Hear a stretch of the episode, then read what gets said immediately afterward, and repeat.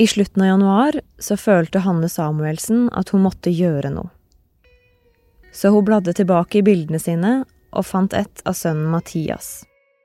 En slank gutt med lysebrunt hår som står smilende i blå hettejakke og hvit shorts på Karl Johan.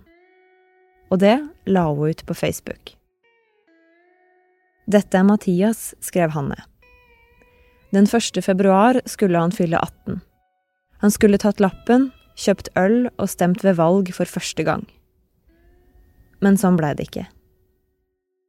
Mathias syns ikke på statistikken for koronaofre. Isteden er han en del av selvmordsstatistikken, står det i innlegget. Nå har det blitt delt nesten 6000 ganger, og fortsatt kommer det nye hjerter og kondolanser i kommentarfeltet.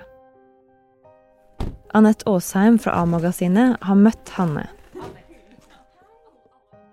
De fleste av de under 30 år som dør i Norge, dør av sjølmord. Mer enn hver tredje dag er det et ungt menneske som tar livet sitt. Mathias var en av dem.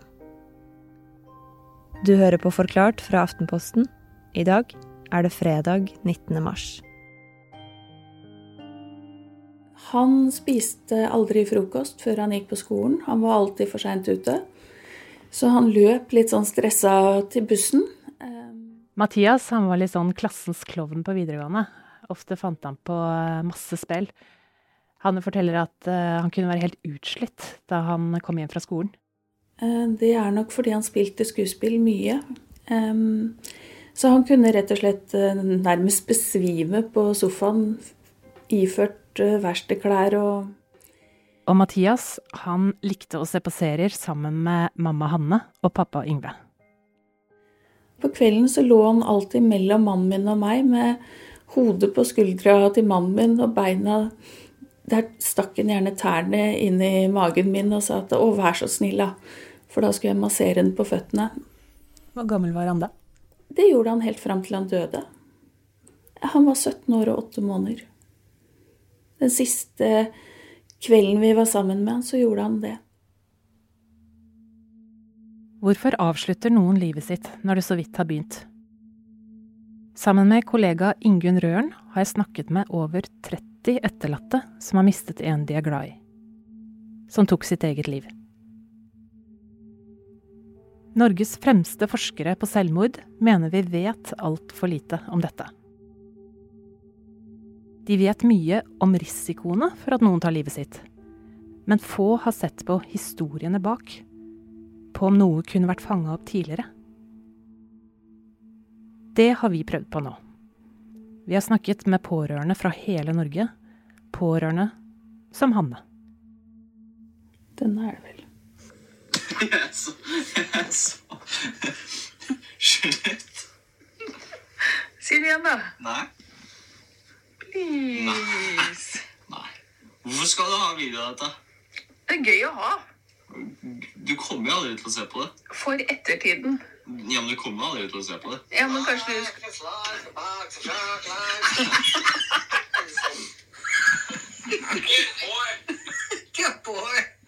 Ja, men jeg har Jeg har ikke lyst.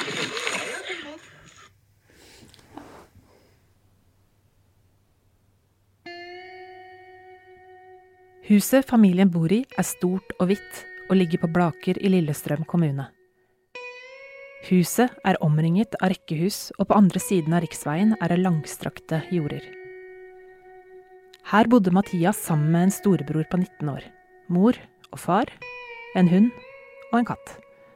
Og han likte å høre på musikk. Kameraten hans kalte det 'I'm a cowboy, I'm a lei meg'. Mathias hadde lyst hår og blå øyne, og smilte alltid på bildene. Men han var også annerledes. En gang så hadde de historieprøve, og den ene kameraten hans han eh, var ikke noen sånn skolevinner. Men eh, han hadde fått en firer på den prøven, og Mathias var så glad. Han var glad hele helga. Kjempeglad for at han fikk en firer. Og så spurte mannen min men hva fikk du da? Nei, jeg fikk jo sekser. Ja, sa du det, ja? Nei, er du gæren, jeg ville jo ikke ta fra han glansen. Sånn var Mathias. Han ville ikke at eh, kameratene hans skulle vite at han var veldig intelligent, eller at han fikk seksere på skolen, eller han ville ikke prøve å være noe bedre enn noen. Eh, Han ville bare være en helt vanlig gutt. Det var det viktigste for Mathias. Da Mathias var 16 år, så ble han deprimert. Han låste seg inne på rommet, begynte å gå turer ute midt på natta. Han ville ikke være med på ferie, sa han, han ville heller være hjemme sammen med storebroren. Og ikke langt inn i ferien så ringte broren og sa dere må komme hjem. Noe er alvorlig galt med Mathias. Så vi avbrøt ferien og reiste rett hjem og fant et barn som helt åpenbart var fryktelig sykt. Han hadde ikke dusja, han hadde ikke spist. Det så ikke ut som han hadde sovet noe særlig. Han gråt mye. Og den gangen så visste jeg ikke at man skulle spørre rett ut om noen var suicidale, så jeg gjorde ikke det. Men vi fikk hastetime hos fastlegen. Og hun, hun Vi satt der alle, alle tre, jeg og mannen min og Mathias. Og jeg kjente at det, det knøt seg i magen når hun spurte Mathias har du tenkt å ta livet ditt. Og så svarte han at ja, jeg har planer om det. Ehm, Så spurte hun Og det, var så Måten hun spurte på, var så forretningsmessig. Jeg tenkte dette er jo livet til en, til en tenåringsgutt. Men det var det som skulle til, tydeligvis, for han fortalte at han hadde satt en tidsfrist. Hvis ting ikke var bedre innen denne datoen, så skulle han ta livet sitt. Den fristen var tre uker fram i tid.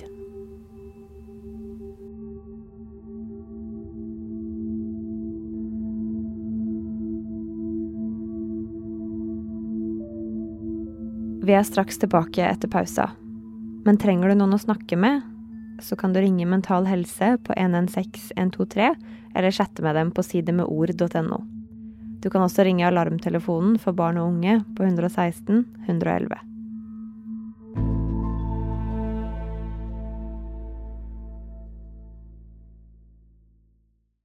Mathias har sagt til fastlegen at han har satt en frist for når livet skal ta slutt.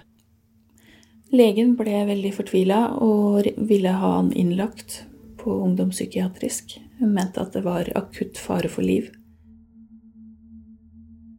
Men Mathias ble ikke innlagt. De må vente på timer hos en psykolog, og ventinga ble tung for dem alle tre. Mathias, pappa og mamma. Mathias lå stort sett og sov på ryggen med høyrehånda slapt over brystet og ansiktet vendt mot veggen. Så jeg gikk bort, da la jeg hånda på brystkassa hans og kjente hjertet hans, og at brystkassa gikk opp og ned. Mathias, han Han var ren energi, så du kunne liksom kjenne at han levde under hendene dine. Hva gjør man som mor når man ser at barnet sitt er deprimert? Det er så fryktelig vanskelig. Fordi som mor så vil du jo gjerne gjøre hva som helst for ungen din.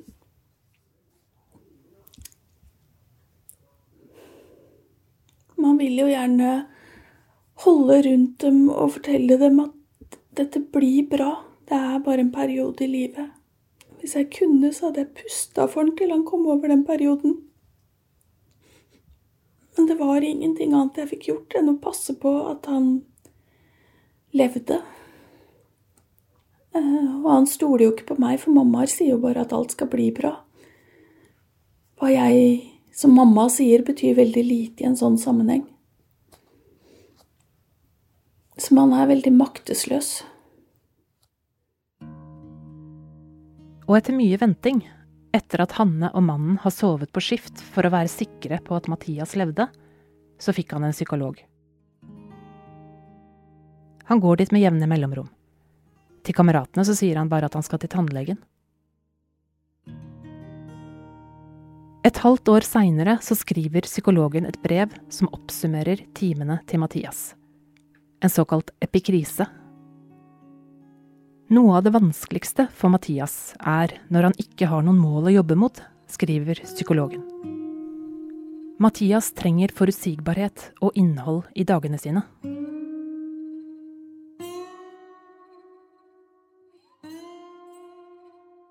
Men akkurat det vet ikke Hanne, og litt av grunnen til det er at Mathias har blitt 16 år. Da har ikke foreldrene lenger innsyn i helseopplysningene til barna sine. Så når Mathias får epikrisen fra psykologen, så står det hans navn på konvolutten. Og det brevet gjemmer han i en skuff på rommet sitt. Alt det som skjedde inne på kontoret hos psykologen, var en så vond opplevelse, synes han, at han bestemmer seg for å aldri mer be om hjelp. Og så kom koronaen, og hverdagen ble helt annerledes. Eh, Da hadde jo ikke Mathias vært på skolen på flere uker. Og han spurte meg mamma, tror du du kommer til å stenge skolen igjen. Og jeg svarte at ja, jeg tror det. Og da ble han veldig lei seg. I en stor undersøkelse som Aftenposten har gjort blant 170 etterlatte, så kommer det frem at over halvparten av de som tok selvmord, hadde en stor vennekrets rundt seg. De trente, spilte i band eller gikk på ski. Mekket bilmotorer, klatret eller spilte tennis. Grunnene til at folk tar livet sitt, de er komplekse. Det skal mye til. Pårørende har fortalt om ungdommer som sleit med mobbing, angst eller isolasjon. Andre grudde seg til hverdagen. De stresset med en masteroppgave, sov lite, kranglet med en kompis eller kanskje en kjæreste. Men selvmord det skjer som oftest ikke ut av det blå. Folk tar ikke livet sitt fordi de vil slippe stress. De gjør det fordi de opplever at smertefulle ting ikke blir bedre, selv om tiden går. De mister troen på at de noensinne kommer til å få det bra, at noen kan hjelpe. For mange har korona forsterket det som allerede var vanskelig. Da Mathias fikk vite at nedstengingen ville vare utover høsten, så ble han nedfor. Men Hanne er tydelig på at ikke smitteverntiltakene tok livet av sønnen hennes. Ikke aleine. Jeg tror det var en utløsende årsak, kanskje, men det var veldig mye annet som var galt for Mathias.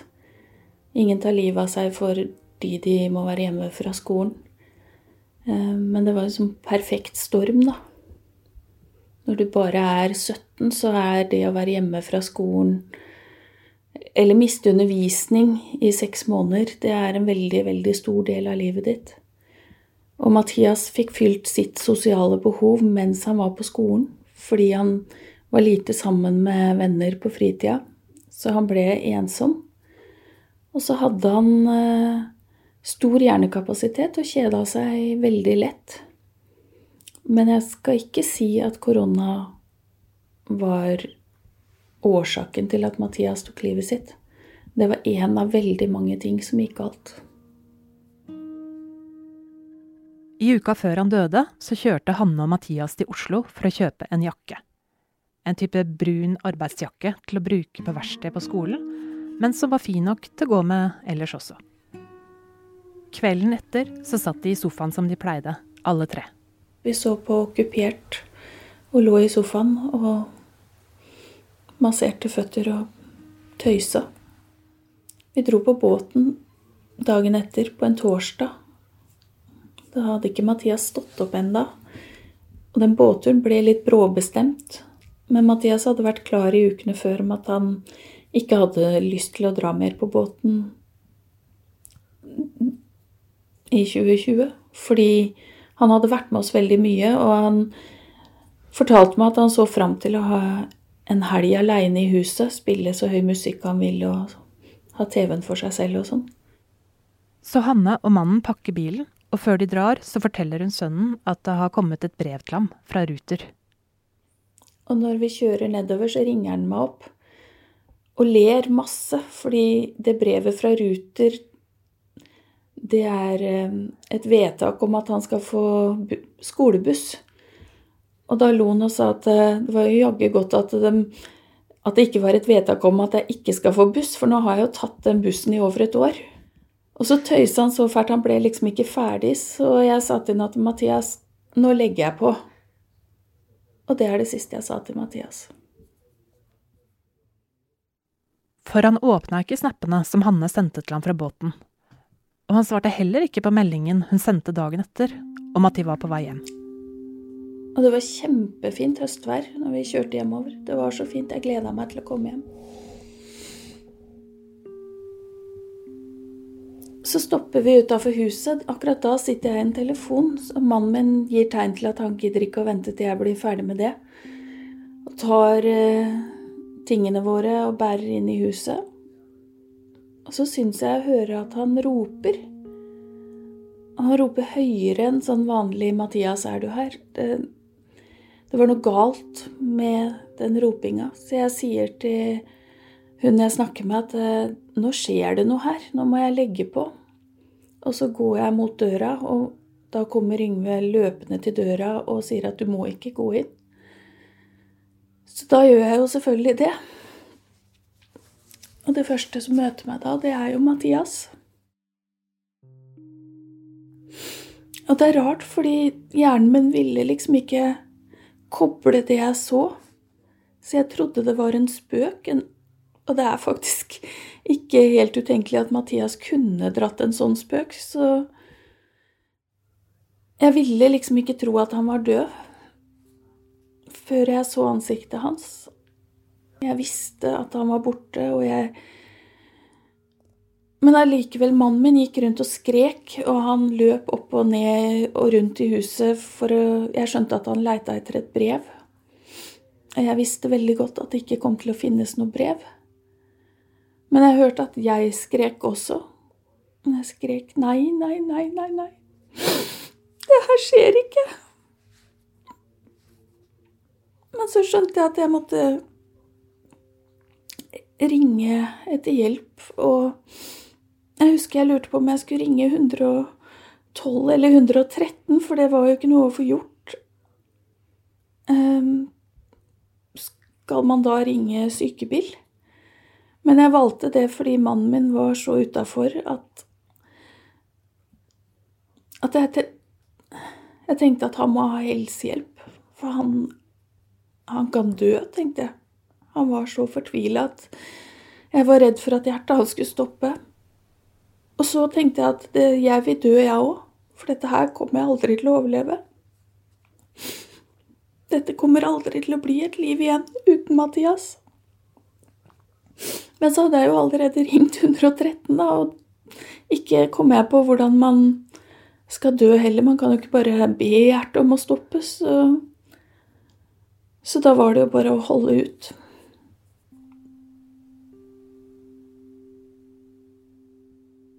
Hvorfor tror du han hadde lyst til å ta sitt eget liv? Jeg vet ikke. Jeg skjønner det ikke. Han var eh, helt perfekt og hadde framtida foran seg. Men jeg vet at Mathias følte seg utafor og følte Han skrev i notatene sine at han var fysisk ute av stand til å føle glede.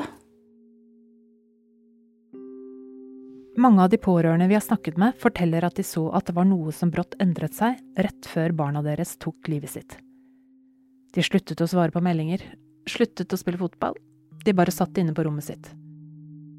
Og halvparten av de pårørende sier at den som døde, hadde fortalt noen om selvmordstankene sine. Jeg har eh, grudd meg veldig til å fortelle fordi jeg ikke liker å rippe opp i den dagen og de følelsene. Men de er jo der hele tiden. Det utgjør jo ikke noe forskjell. Jeg vet at Mathias er borte hvert sekund hele døgnet. Enten jeg sover eller er våken, så vet jeg at han ikke er her. Men jeg tenker på hvor lite jeg visste om selvmord før jeg mista Mathias og hvor lite det blir tatt opp i medier, og hvor hvor skjult dette problemet egentlig er. Og da Nå som jeg får muligheten til å sette lys på det, så gjør jeg gjerne det. For hvis det kan redde et annet liv og en annen familie fra å bli ødelagt sånn som vi er, så er det verdt det. Mer enn hver tredje dag så tar et ungt menneske livet sitt. De tallene går ikke ned, og det er det som bekymrer forskerne. Vi klarer ikke å nå frem og oppdage dem i tide. Jeg tenker at det ville vært veldig vanskelig å redde Mathias på det tidspunktet han døde. Men jeg ser jo i ettertid, og ut ifra notatene til Mathias, at hadde han fått hjelp da han ba om det, så hadde han kanskje turt å spørre om hjelp igjen. Men han har skrevet at han oppfatta den prosessen som så slitsom at det skulle han ikke gjennom igjen. Og jeg tenker at det er så mange som Mathias som spør om hjelp, som ikke får det. Som må vente i uker og kanskje måneder, eller kanskje bli avvist når de spør om hjelp. Det er jo en gruppe vi faktisk har muligheten til å redde, og så blir det ikke gjort fordi det ikke fins ressurser eller penger. Hvor mange Når noen dør i trafikken, så blir det satt i gang et voldsomt apparat for å finne ut hvorfor. Det blir brukt masse penger på å finne ut hvorfor disse menneskene døde. Når noen dør av selvmord, så blir det bare gjemt. Og da er det litt ironisk at det dør seks ganger så mange av selvmord som i trafikken. Hvorfor ville ingen finne ut hvorfor disse menneskene dør? Hvorfor bevilges det ikke penger til psykiatrien når disse menneskene kan reddes? Det er så bortkasta.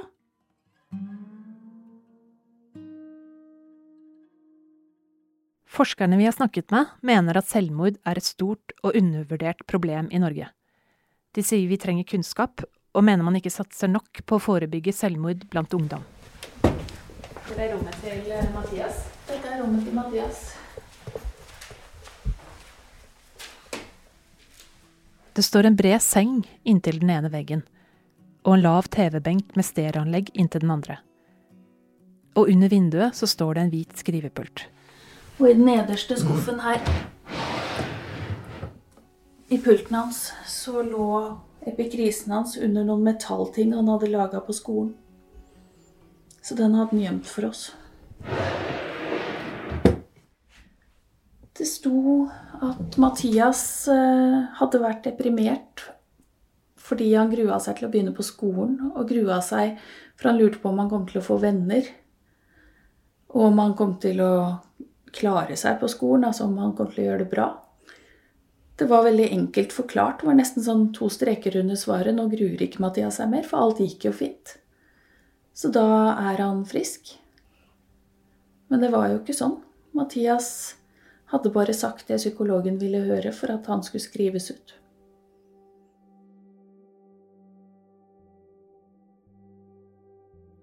Når noen har tatt livet sitt, så blir det ofte en politietterforskning der det har skjedd. Så rett etter at Mathias døde, så dro Hanne hjem til svigerforeldrene sammen med mannen. Men den mandagen etter at han døde, så fikk jeg en melding fra en fremmed gutt som lurte på om det var greit at noen av vennene hans kom på besøk. Og så sa vi at det er greit, og da ramla det inn en gjeng med gutter og ei jente i arbeidsklær inn i stua til svigermor og fant seg plass mellom pynteputer og Og det var så fint. De var så fine og verdige og Skulle nesten tro de hadde øvd på det. Men de sa alle de rette tinga, og de var så omsorgsfulle.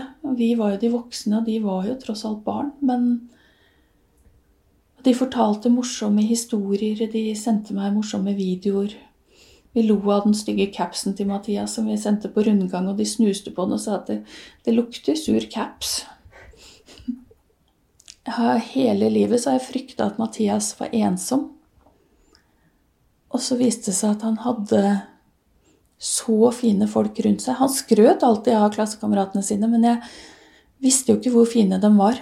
Men jeg husker jeg satt i sofaen og tenkte at hadde Mathias vært i live, så hadde dette vært den lykkeligste dagen i livet mitt. Å se hvor godt likt og elsket han var.